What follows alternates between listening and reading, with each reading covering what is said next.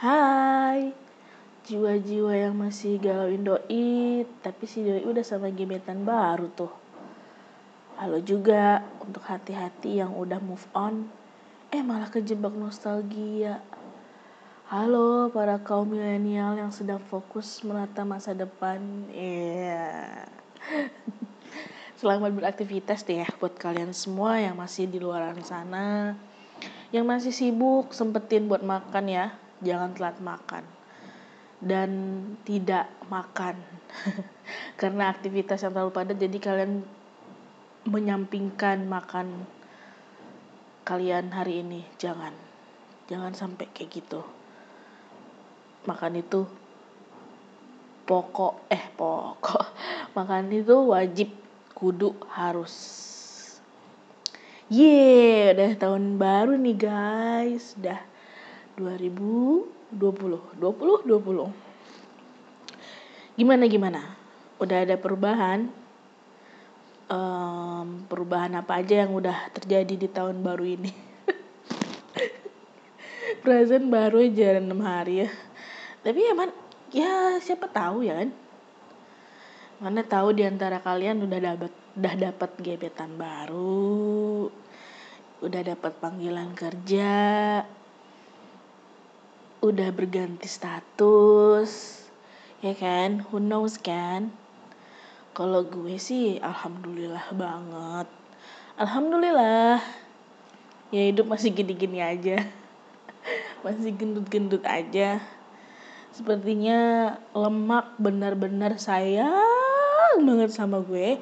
Sampai gak mau dia pisah sama gue seumur hidup gue dia terus aja nempel dan terus memanggil kawan-kawannya untuk hidup dalam tubuh gue. Heran banget gue. ya, ada kesampingin deh soal lemak perlemakan ini. Pokoknya apa pun itu gue berharap untuk kalian semua pendengar setia podcast sejagat raya ini sih. Semoga status kalian segera berganti ya. Dari jomblo ngenes menjadi jomblo yang bahagia. Tentunya dong. Dari pacaran bisa langsung KUA. Dari yang suka mintain duit mama bisa jadi menjadi yang suka ngasih duit ke mama. Dari yang gagal menjadi berhasil, dari yang belum move on jadi bebas dan siap melangkah lebih mantap lagi. Yang single menjadi double, yang karir yang kerjanya karirnya semakin cemerlang, ya usahanya usahanya semakin berkembang. Amin ya, aminin ya sama-sama. Amin.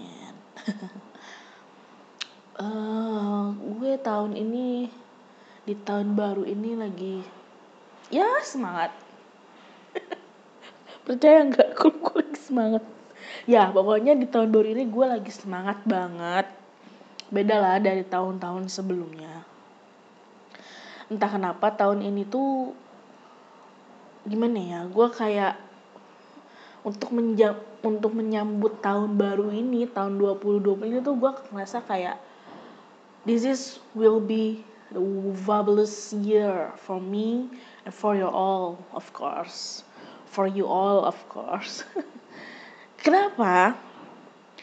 Karena karena ada beberapa hal yang gue gadang-gadangkan, yang gue yakin seyakin yakinnya yakin, usaha yang sedang gue rintis, ya bisa berkembang, planning gue akan bisa terlaksana walaupun bisa aja nanti yang terrealisasikan tuh hanyalah dua dari sepuluh rencana, hanya dua dari sepuluh harapan. Tapi, tapi nggak apa-apa, it's okay karena gue yakin lagi. Ini hari ini bahasannya soal peryakinan aja deh. Dia tadi yakin-yakin mulu, heran gue. Ya pokoknya gue yakin. ya gue yakin aja bahwa Tuhan akan mewujudkan apa yang gue butuhin. Bukan apa yang gue mau, tapi apa yang gue butuhin.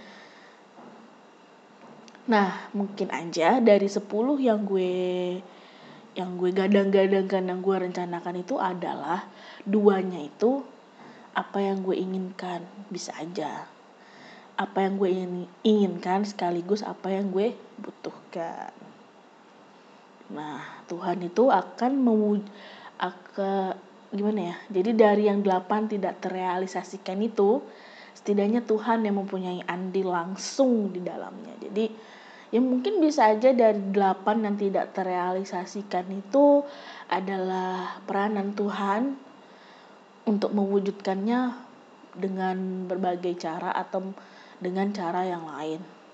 Who knows? Ya tetap aja kita kan harus berencana dan berusaha ya.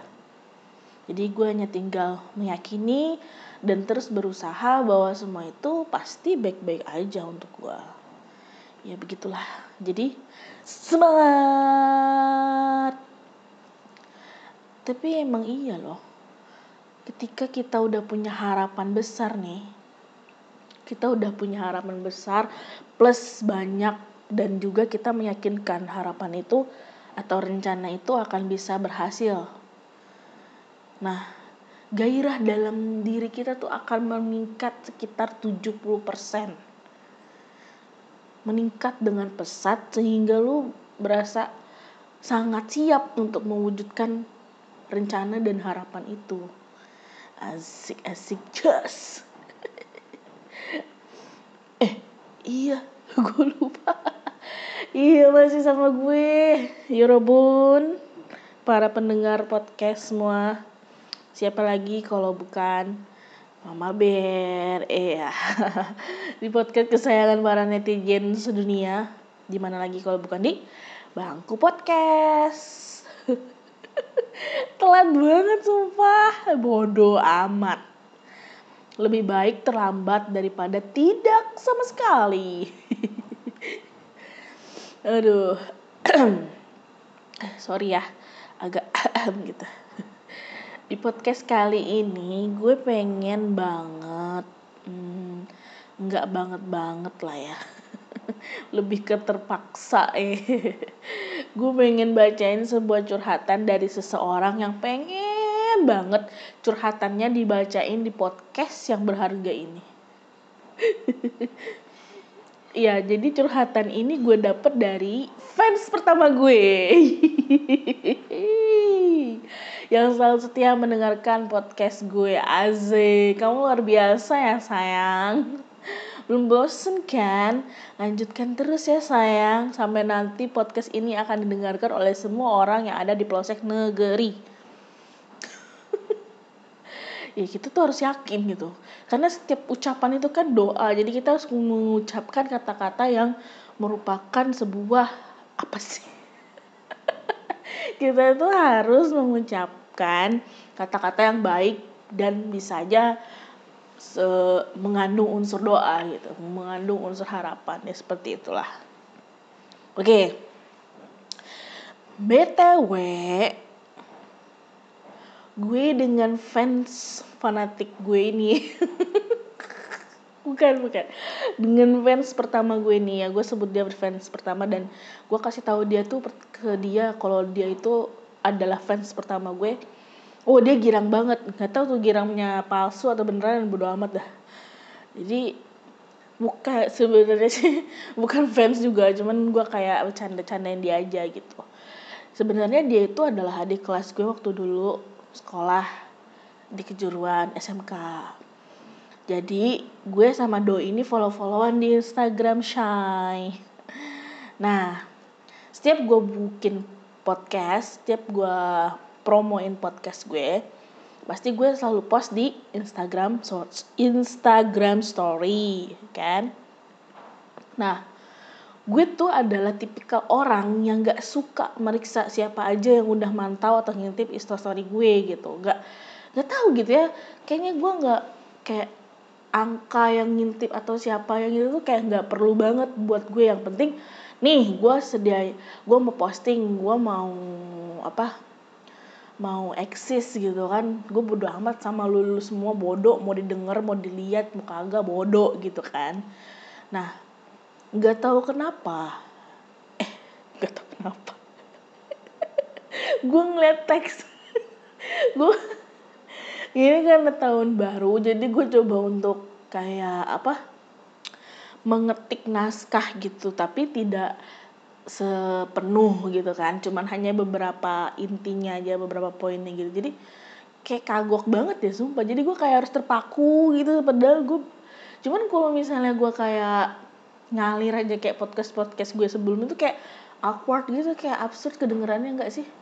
Gue kadang bingung juga sih. Ya maklum aja lah ya gue masih belajar mengenai podcast ini. Ya pelan pelan nanti gue perbaiki tenang aja. Pembelaan diri yang hak eh. Lah oke okay, lanjut. Nah rupanya rupa rupanya adik kelas gue ini suka ngintipin status gue gitu. Apalagi baru-baru ini yang tentang podcast gue ini kan nah berapa minggu yang lalu anyway busway ketemulah gue sama doi di suatu tempat yang nun jauh di sana. Saat itu gue lagi antri beli cemilan. Nah gak lama itu gue liat di ngeliat di doi lagi berdiri sebelah banner minuman yang gue kira itu manekin merek cemilan itu. Kagak kagak kagak ya pokoknya gue ketemu dia di situ dan heboh lah kami di situ kan. Dia nyapa gue kayak udah lama banget kita nggak ketemu. Kayak gue tuh adalah buronan polisi yang udah berbulan-bulan gak ditemuin gitu kan. Sampai semua orang ngelirik ke arah kita dan bikin suasana tuh jadi awkward banget gitu. Ya krik krik krik krik krik. Ini bocah ngapa sih gitu kan? Belum minum obat atau apa gimana gitu. Nah tapi ya entah kenapa gue suka. Gue gitu kayak suka aja kayak kakak! Gitu kayak heboh banget gitu kan. Nah dengan segala kegerang, kegirangan dia kayak ketemu idola dia banget gitu. Terus gitu kita kayak ngalor ngid ngalor ngidul gitu kan. Nyeplos deh dia kemarin ada dengerin podcast kakak terus loh gitu. Dari episode perkenalan sampai yang kemarin kakak upload terakhir. Hah? Masa sih gue bilang gitu? Itu kamu nggak lagi hilaf kan? Iya. Enggak kok kata dia gitu. Sampai katanya sampai akhirnya tuh dia sebenarnya belum ada Spotify katanya kan. Jadi dengar uh, dengan ngelihat status gue yang ada podcastnya tapi apa gue sih kemarin cuman sebutin bahwa available on Spotify gitu kan lo bisa dengar di Spotify. Jadi ketika itu katanya dia belum ada belum ada ini belum ada Spotify dan dia tuh kayak ngebela-belain banget ngedownload di Play Store di aplikasi toko aplikasi um, Spotify ini gitu kan terus gue bilang iya kan sampai akhirnya lu harus lu harus galau lu harus gak apa um, bingung karena ketika lu download Spotify eh taunya memori HP lu penuh dan lu harus ganti dengan TikTok ya kan? Ya gue tuh sering juga ngeliat status dia tuh dia main TikTok entah apa-apa lah pokoknya kayak gitu. Kalau kata orang lain entah apa-apa gitu. Ya pokoknya gitu. Nah setelah itu banyak sih uh, um, setelah sorry. Setelah dia ngedownload Spotify dia login dan dia coba cari ini gue kan sebab apa? Um, podcast gue. Eh akhirnya katanya dia suka. Dan sampai akhirnya banyak banget yang kita omongin. Sampai mbak mbak yang bikin cemilan itu kita cemilan kita tuh bete nungguin kita selesai ngobrol ya karena keterbatasan ruang dan waktu juga kita memutuskan untuk menyudahi gibah yang keenak yang enak itu.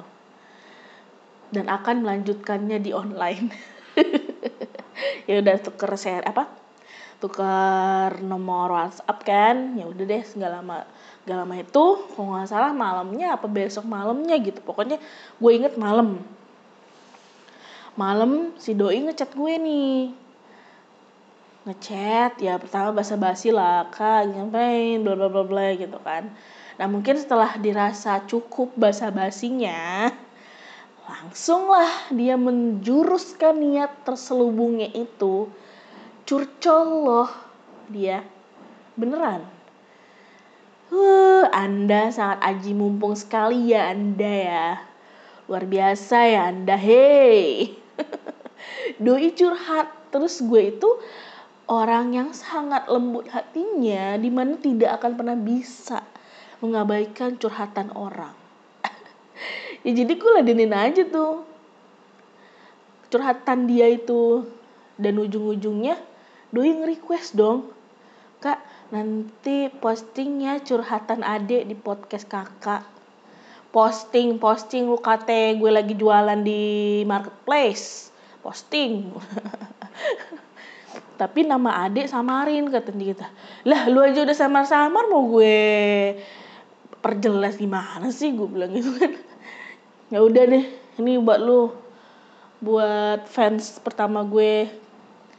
I love you lah ya. Even baru sebiji udah gitu hitung hitungannya cuma setengah lagi. Gimana tuh? Pokoknya kakak love fans.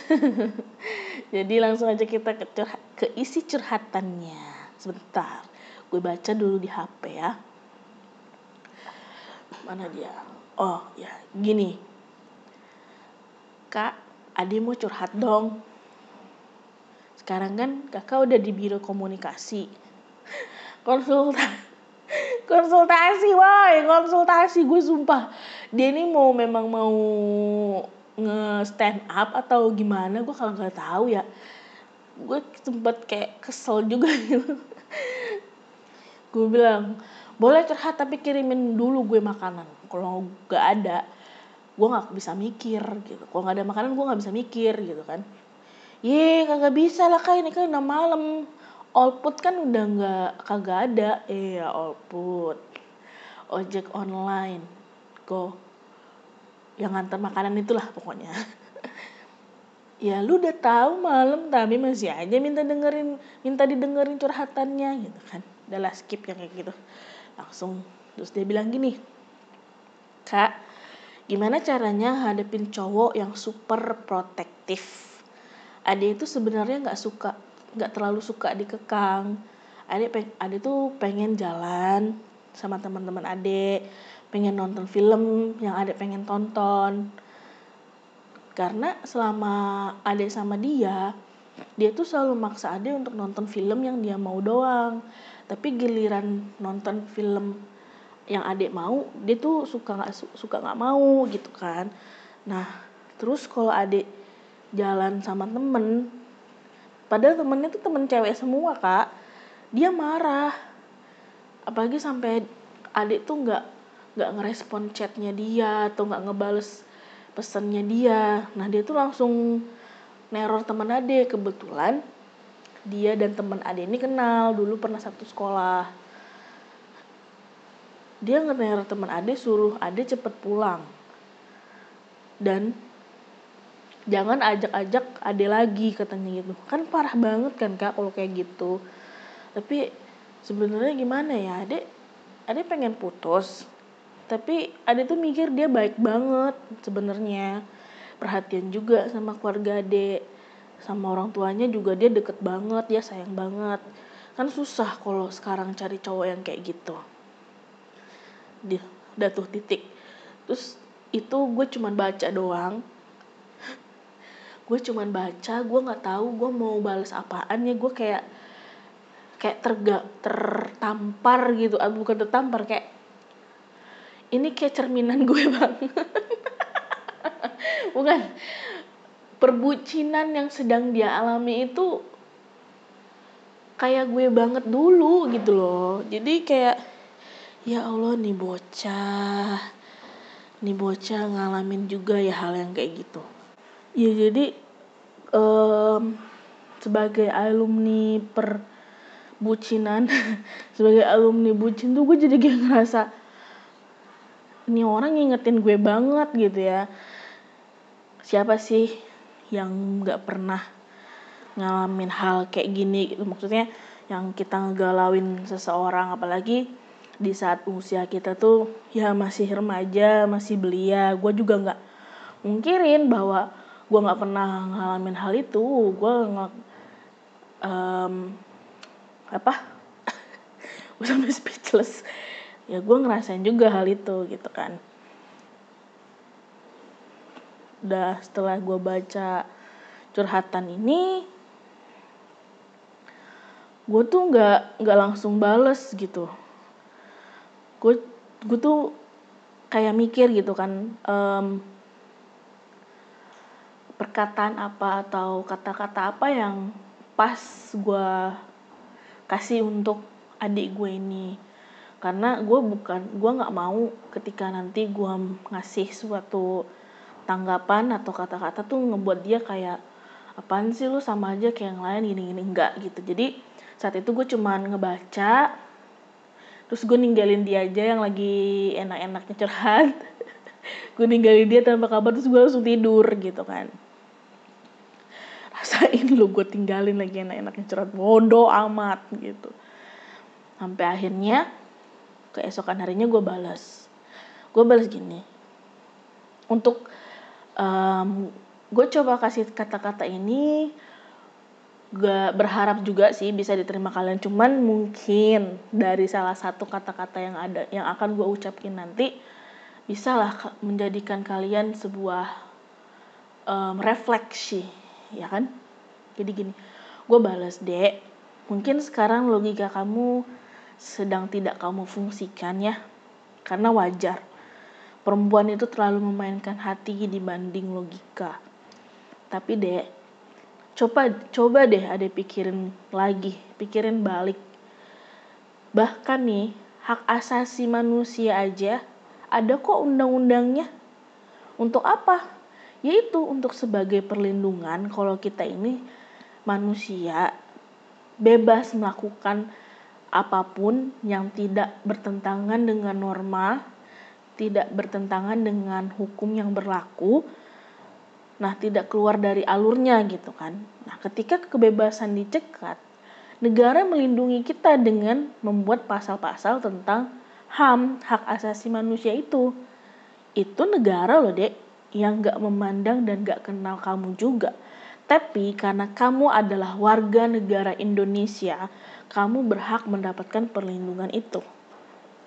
Oke, Nah, sekarang yang sedang kamu bingungkan dan kamu galau-galaukan itu sampai kayak gini adalah seseorang yang memang sudah seharusnya sepatutnya sewajarnya memberikan kamu rasa kebebasan beratur itu memberikan kamu rasa nyaman, memberikan kamu rasa aman, memberi memberikan kamu kepercayaan gitu. Hubungan kalau sudah nggak ada sorry hubungan kalau sudah ada perasaan nggak nyaman terlalu buang-buang waktu buat diterusin. Ya kakak juga nggak menuntut kamu untuk putus dengan dia. Oh itu that's not my right gitu. Itu bukan hak kakak dan itu bukan ranah kakak juga. Tapi alangkah baiknya kamu renungkan dan pikirkan baik-baik. Karena ya hanya kamu kok yang tahu apa yang terbaik untuk hidup dan juga hubungan kamu. Apa yang akan yang kamu lakukan nanti gitu. Cuman sebelum kamu memutuskan apa yang akan kamu lakukan please think about it. Tolong pertimbangkan apa yang kakak bilang karena kalau boleh dikatakan ya hubunganmu tuh sudah tidak sehat lagi Hubungan itu harus ada saling pengertian, saling mendukung, saling memberi, saling menerima, saling percaya. Itu yang paling penting. Kakak tahu kamu itu pintar, kamu cerdas. Kakak yakin kamu paham akan apa yang akan kakak bicarakan ini. Cukuplah menjatuhkan harga dirimu di depan pasanganmu yang dia yang dia rasa tuh kamu nggak bisa hidup tanpa dia tapi itu bullshit kalau memang dia beneran baik nih ya kalau memang dia orang yang seperti yang kamu bilang dia sayang sama kamu sama keluarganya bla bla bla dia juga akan baik dengan kamu no matter what. Karena kalau memang sudah baik itu baik aja nggak baik sih tapi dia gini gini gini itu belum mendekati baik lah. Baik itu titik tidak ada tapi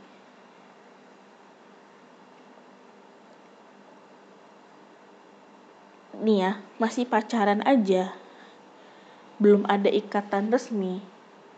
Udah kayak gini gimana? Kebayang nggak kalau kamu sampai ke ikatan resmi gimana?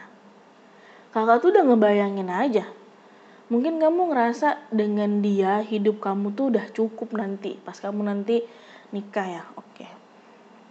Oke kakak kasih contoh yang agak jauh sedikit.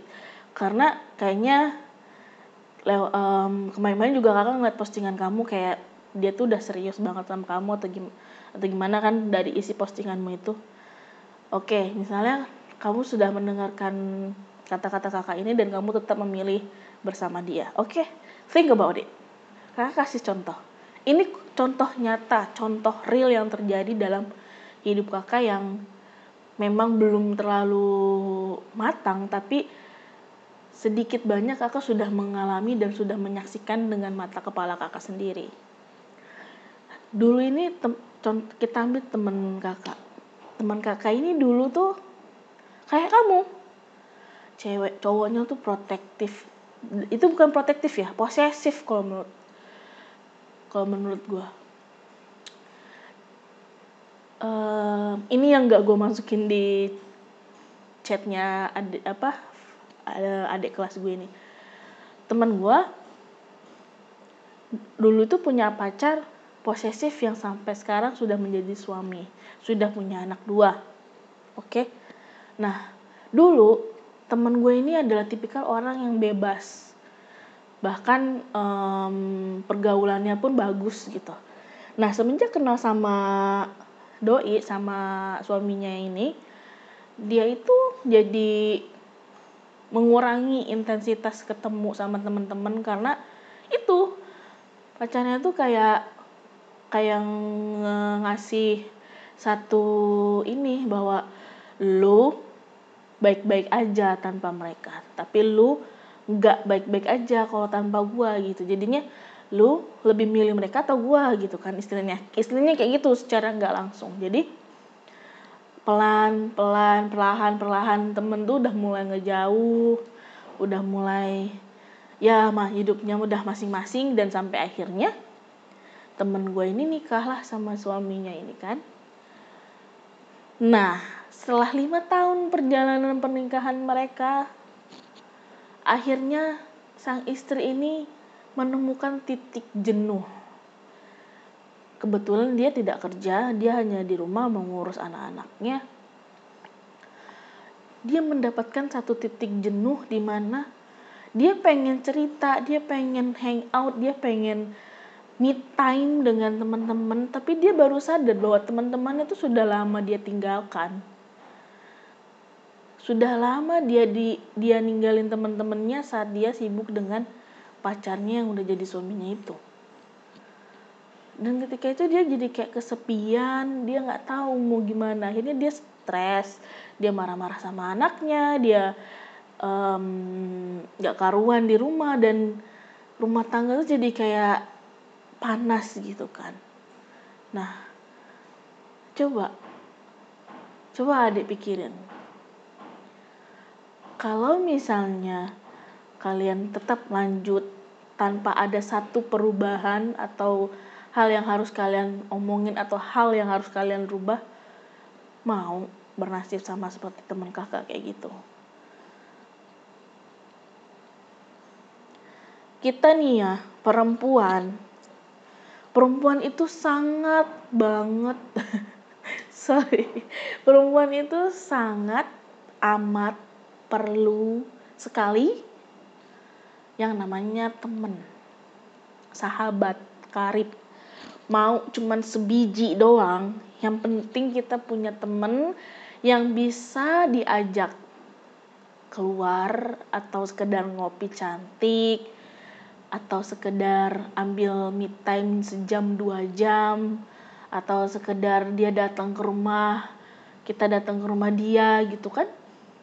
Dan kita cerita apa yang sudah terjadi beberapa hari terakhir atau bahkan satu tahun terakhir terus kita ngobrol atau gimana we need friend like that who understand who respect to to us yang menghargai kita juga yang tahu juga kita gimana. Kita itu sangat memerlukan itu perempuan. Jadi tolonglah. Tolong kamu pikirkan baik-baik.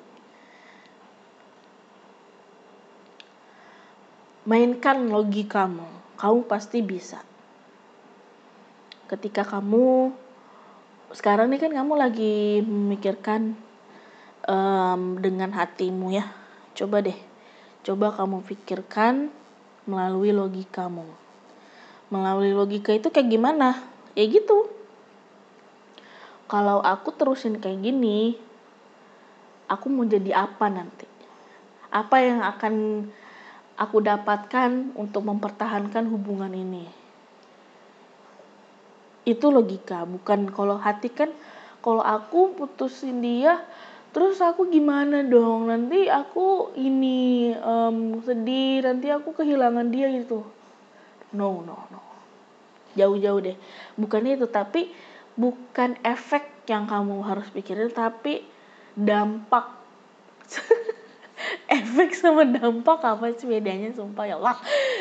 Gimana ya? Yang harus kamu pikirkan itu tentang kondisi keadaan lingkungan atau uh, realnya kamu. Bukan tentang hatimu. Nanti kamu bakalan sedih atau gitu enggak. Bukan. Nah bukan kayak gitu tapi pikirkan bagaimana kamu jika kamu terus bersama dia apa yang akan kamu dapatkan dan bagaimana kalau ini benar-benar kamu paksa untuk lanjutkan. Nah, kalaupun misalnya kamu masih mau sama dia, langkah apa yang harus kamu buat? Apakah harus begini, harus begitu? Kalau menurut kakak sih ya perbincangkan, sadap. diskusikan sih, diskusikan berdua. Kalau kalau kakak nih kasih contoh nyata ada apa pengalaman kakak sendiri ya um, dengan mantan pacar kakak ini yang jadi udah jadi suami gue ini sama doi kalau lagi misalnya kan berantem nih dulu waktu pacaran berantem um, kita diem dieman gitu. Nah besoknya itu dia udah datang dengan muka yang cuek kayak nggak ada nggak ada nggak ada masalah apa apa tapi kalau gue tuh bukan tipikal orang yang kayak gitu gitu loh. Gue nggak bisa menah memendam atau kayak menganggap uh, masalah semalam tuh hus gitu kayak asap dan pergi menghilang begitu aja. Nggak bisa. Gue tuh harus diselesaikan dulu nih semalam itu kita masa berantemnya gara-gara apa? Oh gara-gara kamu telat gitu. Kamu telat terus gini-gini jemput akunya gini-gini gini kan. Nah besoknya itu walaupun dia datang dengan cuek gue tetap diskusiin sama dia.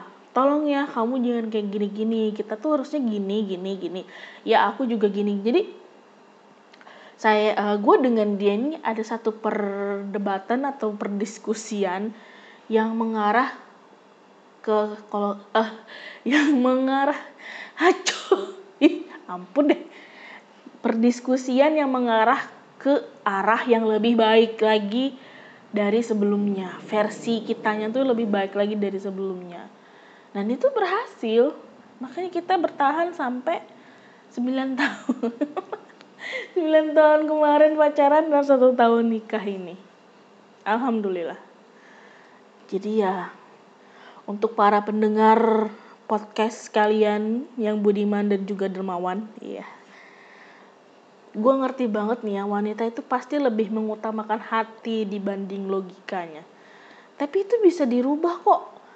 Ketika hati kita sudah dipenuhi dengan masalah-masalah yang kita anggap sangat besar kita lupa bahwa ada logika yang bisa aja menyederhanakan masalah yang kita punya. Kalau ada masalah, coba untuk direnungkan dan mainkan logika. Nah, untuk para adik-adik unyu-unyu, adekku juga nih jalan kalian masih panjang masih perlu kalian lakukan banyak hal dan juga persiapan di part kalian dewasa nanti hidup kalian tuh akan jauh lebih ribet lebih rumit dari yang sedang kalian hadapi sekarang. Sekarang tuh cuma masalah hati. Nanti gimana? Kalau udah memasuki tahap dewasa kalau kalau kalian aja udah kalah di tahapan awal kayak gini nih yakin emang bisa hidup bisa hadapin level yang lebih susah nantinya. Bergaul lah perluas um, lingkungan sosial kalian tapi harus dipilih-pilih juga yang baik yang positif yang ngebuat kalian bisa menjadi pribadi yang lebih baik gitu. Yang gak nyeleneh. Karena dengan kita banyak ketemu orang itu bisa aja bikin kita ngerti bahwa hidup itu gak selalu tentang hati. Sad. Kalian akan ketemu banyak orang dan orang itu akan ngeberi akan memberikan kalian banyak juga pelajaran. Ya asik ya. Gue kagak tahu tuh ngomong apa tuh tadi. Keluar gitu ya dari mulut gue udah keluar juga dari teks yang gue tulis nih. Bodoh amat. Nanti gue review lagi deh. Review review deh kayak youtuber aja deh. Ya pokoknya gitulah ya. Untuk kalian remaja-remaja yang masih unyu-unyu. Remaja-remaja yang lagi otw ke dewasa. Please dunia lo terlalu sempit kalau untuk jadi bucin. Lo terlalu muda untuk hal-hal kayak gitu ya walaupun memang seumur segitu tuh santapan sedapnya bucin banget ya. Ya gue ngerti lah ngerti banget. Karena sebagai mantan bucin gue juga pernah ngerasain hal itu gitu. Di saat sekolah PR banyak tugas banyak galau soal cinta juga banyak. Aduh pusing. Iya, gue jadi inget cerita waktu gue SMP. Waktu itu, waktu gue pertama kali ketemu sama cinta dalam hati. alias cideha atau alias cinta bertepuk sebelah tangan gitu ya. Gak tau juga sih ya. Pokoknya waktu itu kan gue pernah bilangnya kalau gue itu um, pindah dari Bogor ke kota Tanjung Pinang ini di sini gue ngerantau ikut dengan ibu nyokap karena nyokap kan dulu kerjanya di sini. Jadi karena gue udah besar juga mungkin karena udah SMP jadi ibu nyokap nyuruh gue ke sini sama abang. Nah saat itu yang harusnya gue itu kelas 3 SMP karena gue dulu di Bogor itu nggak sempet nganggur kan sempet nganggur 2 tahun karena ya karena masalah biaya juga. Jadi di sini gue harus harus langsung kelas satu apa harus ngulang kelas 1 karena kalau kelas 3 nanti takutnya gue nggak bisa ngejar gitu kan. Ya udah gue masuk di sekolah negeri yang lumayan bagus di sini sebagai murid baru. Gue inget banget waktu itu gue masuk di bulan November nah gue masuk di kelas 7C kelas 7C ini wah bagi gue gue sangat susah um, saat itu gue agak-agak susah ya ber, beradaptasi dengan lingkungan karena um, perbedaan perbedaan bahasa ya jadi ketika di sini tuh gue kaget. Gue kaget banget ketika denger dengar anak-anaknya tuh ngomongnya kasarnya masya allah. Kayak gitu kayak hah? Kok bisa? Gitu kan. Nah gue ketemu dengan seseorang yang spesial ini kebetulan kita satu kelas. Nah saat itu dia adalah wakil ketua kelas. Uh, jadi pas gue masuk eh bukan wakil sorry. Dia ketua kelas wakilnya ini perempuan ya. Dia ketua kelas dia memperkenalkan diri dan gue juga saat itu gue belum ada rasa. Ya iyalah emangnya gue apa yang langsung ketemu langsung suka gitu? Oh my god enggak. Jadi setelah gue kenal sama dia dia pun anaknya baik ramah gitu kan mau bantu gue juga adaptasi apa segala macam. Nah sampai akhirnya dua bulan kemudian setelah pembagian rapot semester awal itu tuh gue gak gak nyangka sama sekali saat itu tuh gue masuk 10 besar 10 besar. Jadi gue tuh ranking 9 iya saat itu tuh gue ranking 9 dan gak nyangka sama sekali gitu nah si ketua kelas ini atau gue ranking berapa cuman dia kayak nyelamatin gue gitu jadi dia tuh kayak seneng banget nah dari situ mau tumbuhlah benih-benih cinta monyet. uh, jadi dari situ gue suka sama dia. Cuman sukanya kayak ini anak manis banget gitu kan. Ya Allah kamu tuh ramah ya pas segala macam gitu kan. Nah, sampai akhirnya di semester kedua gue tuh dinominasi untuk jadi wakil ketua kelas tapi kan gue nggak mau karena terhitung gue baru di situ gue juga ngeliat wakil ketua kelas yang saat itu tuh kayak awas tuh ya awas tuh ya kalau lo mau awas tuh ya gitu kan ya udah gue nggak nggak nggak mau gitu nah di singkat cerita gue juga saat itu lebih deket ke temen-temen cowok gitu kan. Dan dulu tuh di SMP yang gue sekolah ini di setiap hari pokoknya seminggu sekali tuh ada um, acara bebas gitu hari Jumat apa hari Sabtu ya? Lupa gue udah lama banget soalnya 2005 itu gue masuk SMP itu udah berapa tahun ya? Udah 15 tahun buset. Ya udah agak lama kan.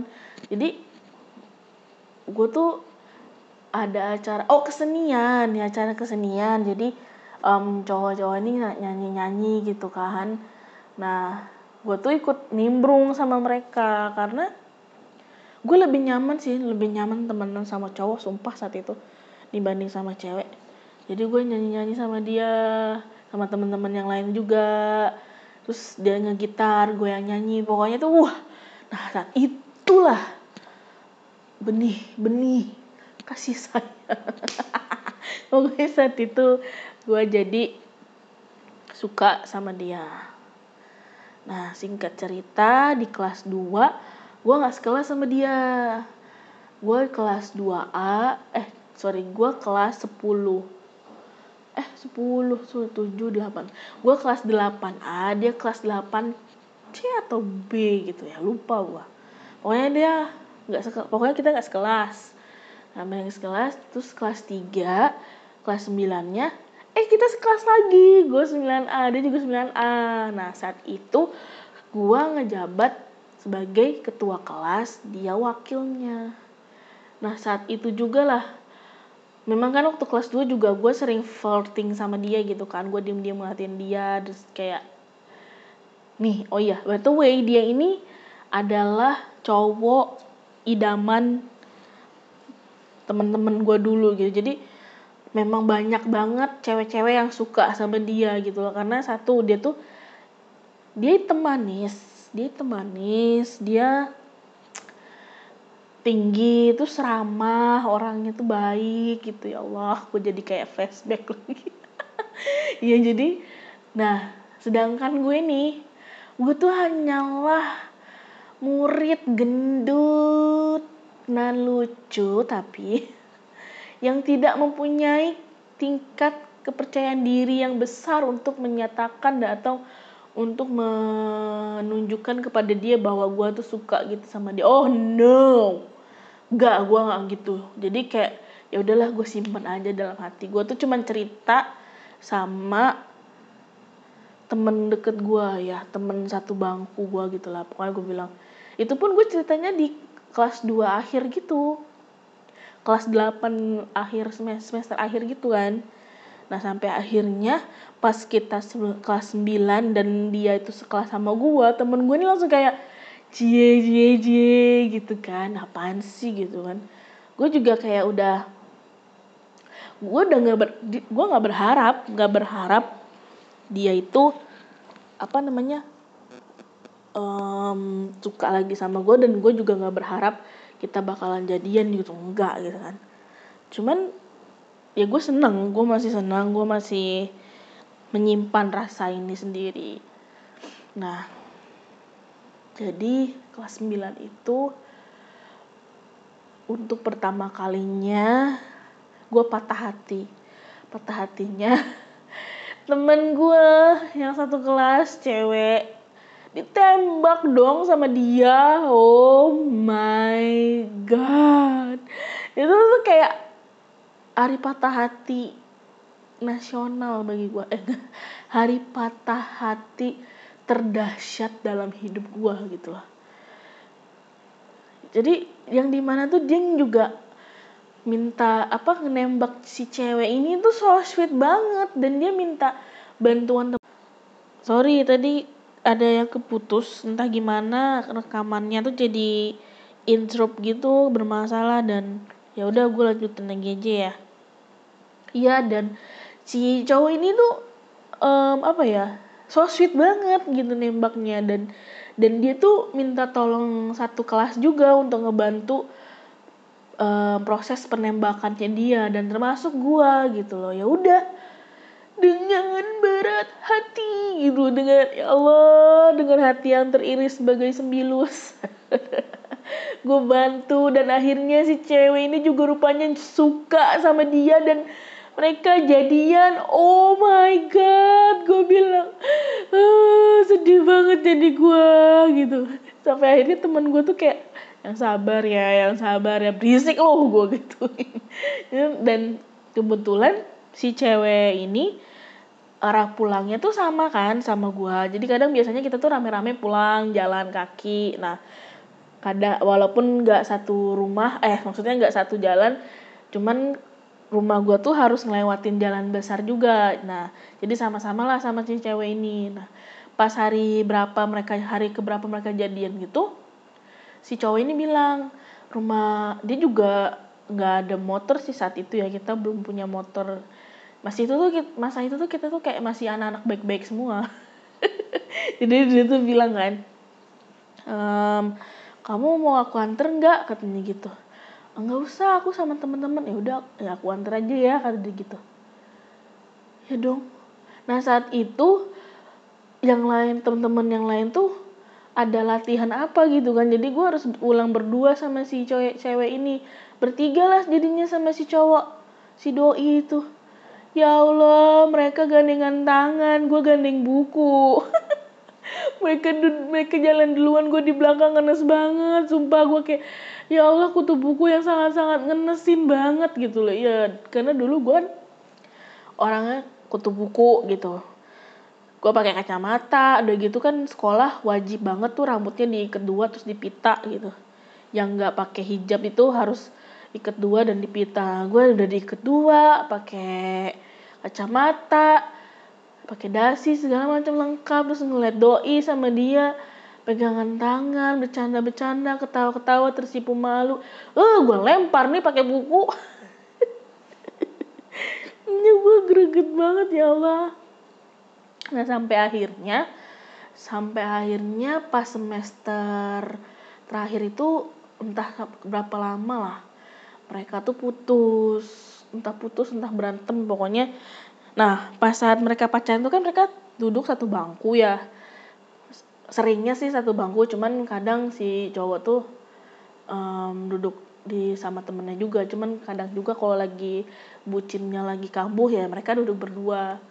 Sampai akhirnya mereka nggak duduk lama gitu kan. Nah mereka jadian ini heboh kan satu sekolah dan ma sampai majelis guru tuh tahu semua. Di majelis guru tuh guru-guru tuh semua pada tahu kalau mereka ini jadian. Nah ada satu satu guru yang gokil yang tahu mereka jadian kan dan kayak ngejek gitu. Eh gue nggak sebangku lagi mana soulmate-mu gitu. Ih soulmate soulmate gitu ibu ini apaan sih gitu kok gue jadi emosi gitu ya. Yaudah. Nah saat itu emang kayaknya renggang sih hubungan mereka. Ya udah kayak gitu. Oh iya gue ribut gue sempat ribut sama dia pas pas itu ada pelajaran geografi atau apa gitu ya.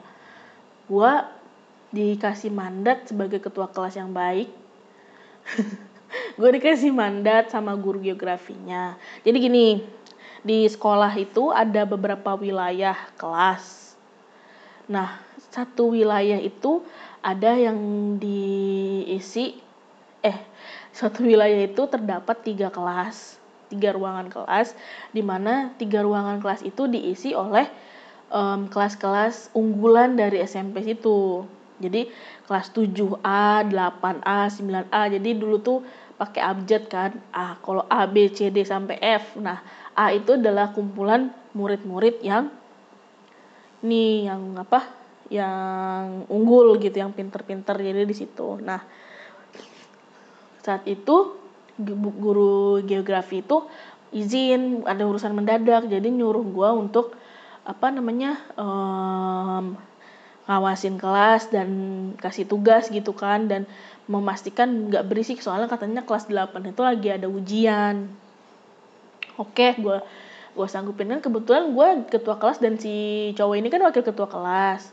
Tapi entah kenapa dia sebagai ketua kelas itu dia tidak menunjukkan bahwa dia itu ketua kelas. Eh wakil ketua kelas gitu. Ketika itu tuh suasana kelas tuh jadi ribut gitu kan dan terus gue tuh marah gitu woi kalian jangan ribut dong kerjain aja apa yang disuruh gitu kan. Dan gue usah banyak cerita gitu. Oke udah tenang. Nah yang pas kedua kalinya si wakil ketua kelas ini malah ikut ikutan waketu tuh malah ikut ikutan ketawa lah malah ikut main gitar lah gitu kan. Lah gue jadi emosi dong gue langsung bilang eh lu gimana sih? Lu bukan yang ikut e, menjaga kestabilan kelas? Ya pokoknya gitu lu bukannya nenangin teman-teman biar nggak berisik lu malah mancing-mancing mereka. Lu wakil ketua kelas apa bukan sih? Gue bilang gitu kan. Apaan sih lu? Gitu aja lu orang gue udah selesai juga tugasnya. Ya even lu udah selesai lu harus diem. Sebelah tuh lagi ujian gue bilang gitu kan. Wah pokoknya saat itu gue terpancing emosi gitu kan. Gue tuh sebenarnya kalau jadi ketua kelas tuh saat itu memang terkenal galak judes jutek tegas gitu. Dan disiplinnya tuh bener-bener banget gitu kan. Jadi dia nggak terima mungkin. Terus dia tuh nyolot gitu. Terus gue juga nyolot sampai akhirnya dia bilang apaan sih lu ketua kelas? Gila gitu. Gila kok bisa jadi ketua kelas? kata dia. Apa lu? Wah itu ribut sampai akhirnya gue tuh ditahan-tahan. Gue kayak kagak takut aja gitu sama dia. Gue kayak udah benci banget sama dia gitu kan. Dan dia pun udahlah kata temen-temennya. Udah udah udah. Cewek nggak usah dilawan katanya gitu kan. Ngapa lu ngomong cewek-cewek lu? Gue nggak takut sama lu lu semua kata gitu kan. Gue preman banget ya. ya pokoknya kayak gitu. Sampai akhirnya kita gue tenang udah pulang besoknya dia nyamperin gue dong. Dia bilang sorry ya gitu. Aku minta maaf kalau semalam aku udah uh, bilangin kamu orang gila. Sedih. Gue itu adalah tipikal orang yang gampangan. For your information FYI FYI gue adalah orang yang sangat gampangan. Jadi ketika ada orang kalau gue udah marah nih ya marah tuh gue suka sama lu dalam hati tuh gue emosi banget. Tapi ketika orang itu balik muka ke arah kita dan memelas dan kayak mengiba gitu kan please forgive me gitu maafin gue ya gini gini udah luluh. Luluh lantak semua per ben pertahanan benteng kekesalan dan emosi gue gitu kan. Jadi gue kayak oh iya gue juga minta maaf ya. Uh, dasar buci dan dari sejak itu gue jadi deket juga sama dia sama teman-teman yang lain juga sama yang laki-lakinya kan. Nah entah gimana ada satu temen cewek gue juga satu kelas itu suka juga sama si cowok ini. Cuman dia terlalu dinampain gitu terlalu di ketara banget deh kalau dia tuh memang nyari kode terus gitu kan pulang pun kayak minta. Nah saat, oh iya saat itu tuh pas mau semester akhir itu si cowok ini udah dapat motor gitu. Jadi pulang tuh bis, pergi pulang tuh dia bawa motor kan. Nah si cewek ini nebeng terus kerjanya dan kayak nggak tahu mau gitu. Iya jadi ya ampun gue bilang. Nah emang sih dia tuh cantik putih tinggi semapai kayak blasteran gitu. Bukan kayak gue yang bulukan ini bukan ya Allah. Jadi ya udah. Nah kok ya udah? Nah pas itu tuh kayaknya mungkin dia nggak tahan kan untuk memendam rasa. Akhirnya dia kayak ini yang bagian lucunya. Dia tuh kayak um, apa? Menyatakan cinta eh tunggu kayaknya ada yang janggal. Uh, gue gini, ini ini gini. Jadi si cowok ini punya temen namanya sebut aja namanya Balu ya. Nah si Balu ini deket eh suka sama si Mira sebut aja si Mira. Si Mira ini suka. Nah tapi si Mira ini sukanya sama si cowok ini wak waketu ini itu kan. Jadi kayak cinta segitiga itu. Nah tapi si Mira ini memanfaatkan kebaikan si siapa tadi? Balu. Jadi pulang begitu dia ikut sama Balu kan. Dan dia juga minta tolong Balu dong buat deketin dia sama si Waketu. Coba. Itu ya gue inget banget itu sampai akhirnya itu kan ada mading mading mingguan gitu kan Nah kalau di kelas gue tuh saat itu malam eh, apa mading mingguan itu kan per baris. Satu baris hari sih minggu pertama kedua ketiga dan seterusnya kan. Nah saat itu eh, di minggu ketiga nah bagianlah si grup balu dan waketu. Dan gue kebetulan kan gue yang nyunting nyunting eh nggak nyunting ding gue datang ke sekolah. Terus tiba-tiba tuh orang udah pada ngerubun di mading gitu kan. Karena kan diterbitin masing-masing ketua madingnya kan berbaris itu nah setelah gue lihat si Balu ini buat puisi dong. Gue inget banget judulnya sebuah rasa di mana yang intinya tuh gue tuh gue suka sama lu tapi lu malah suka sama yang lain gitu. Gue udah ngebantuin lu coba, coba lu hargai perasaan gue dan segala macem. Itu ya ampun gue bilang. Gue tuh sama temen gue tuh kayak udah ngerti ini buat siapa gitu kan. Ya Allah memang bucin banget dah sampai akhirnya si Mira ini um, ngatain cinta. Nah entah gimana ya saat itu tuh dia tuh jadi dia juga tahu kalau gue tuh suka sama si Waketu ini. Nah sejak saat itu dia ngasih tahu itu si Waketu ini jadi kayak sama gue tuh eh yang gitu-gitu yang halo yang kayak kayak mana ya yang kayak lebih ramah lebih gue bilang apaan sih? Gitu kan. Gue pertamanya kan gue belum tahu. Terus gue bilang kan sama temen gue sebut aja namanya Ovi. Vi si Waketu ngapa sih sama gue kok kayaknya makin lebay aja sikap dia gak kayak biasanya gitu kan. Deh lu gak belum tahu? Apaan? Gue bilang gitu kan. Si Mira kan kemarin ngomong suka sama dia. Masa? Terus terus iya dan gue nggak tahu nggak tahu gimana. Emang lu cerita sama siapa aja kalau lu suka sama mau ketuk lu sama si ada oh ada satu lagi. Oh mungkin dari dia kali. Dia bilang kok katanya lu juga suka sama dia katanya karena mungkin dia nolak. Akhirnya dia kayak benci atau kayak dendam gitu. Ya allah gue udah bilang ih gue udah mendem perasaan ini loh selama dua tahun setengah ini kok dia tiga-tiganya sih bergemborkan gitu? Nggak tahu gue dia bilang gitu kan kata si Opi. Ya ampun. Nah sejak saat itu dia tuh kayak gue nggak nggak tahu ya gue nggak mau gr gr banget. Tapi kalau misalnya gue ngelihat dia waktu itu waktu sebenarnya waktu dia udah tahu gue tuh suka sama dia tuh dia kayak cari perhatian banget gitu sama gue kayak kayak gimana ya beda gitu perlakuan dia tuh sweet banget juga iya sebagai teman. Nah sampai akhirnya gue jadian lah sama cinta pertama gue nanti bakal gue cerita itu gak kalah serunya juga. Dan dia kayak gue bisa ngeliat dia tuh marah gitu sama gue entah gimana pokoknya nggak tau lah sampai akhirnya kita lulus dan uh, setelah beberapa tahun lulus sekolah juga gak lama tuh dia ada chat gue di messenger gue di, dari Facebook kan messenger. Dia bilang gini coba Hai cinta dalam hatiku. What? Gue di situ langsung jadi lu selama ini lu tahu gue sama gue suka sama lu dan gue nganggap lu cinta dalam hatiku tapi lu diem aja. Ya ampun. Tapi ya gue sih udah move on juga ya gue juga udah nggak berharap dan dia tuh kayak udah tahu juga gue udah punya pacar dan segala macam dan dia pun dia sekarang udah di ada di Pulau Jawa sana.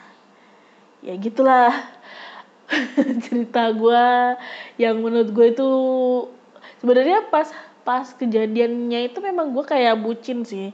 Sempet gue tuh kayak ngedrop nggak apalagi pas dia baru-baru jadian sama cewek satu kelas tuh kan keadaan kelas tuh jadi kayak gimana ya? Sedikit-sedikit trending topiknya tuh dia mulu gitu loh. Jadi gue tuh kayak cemburu tapi gue nggak bisa ngapa-ngapain siapa gue gitu kan.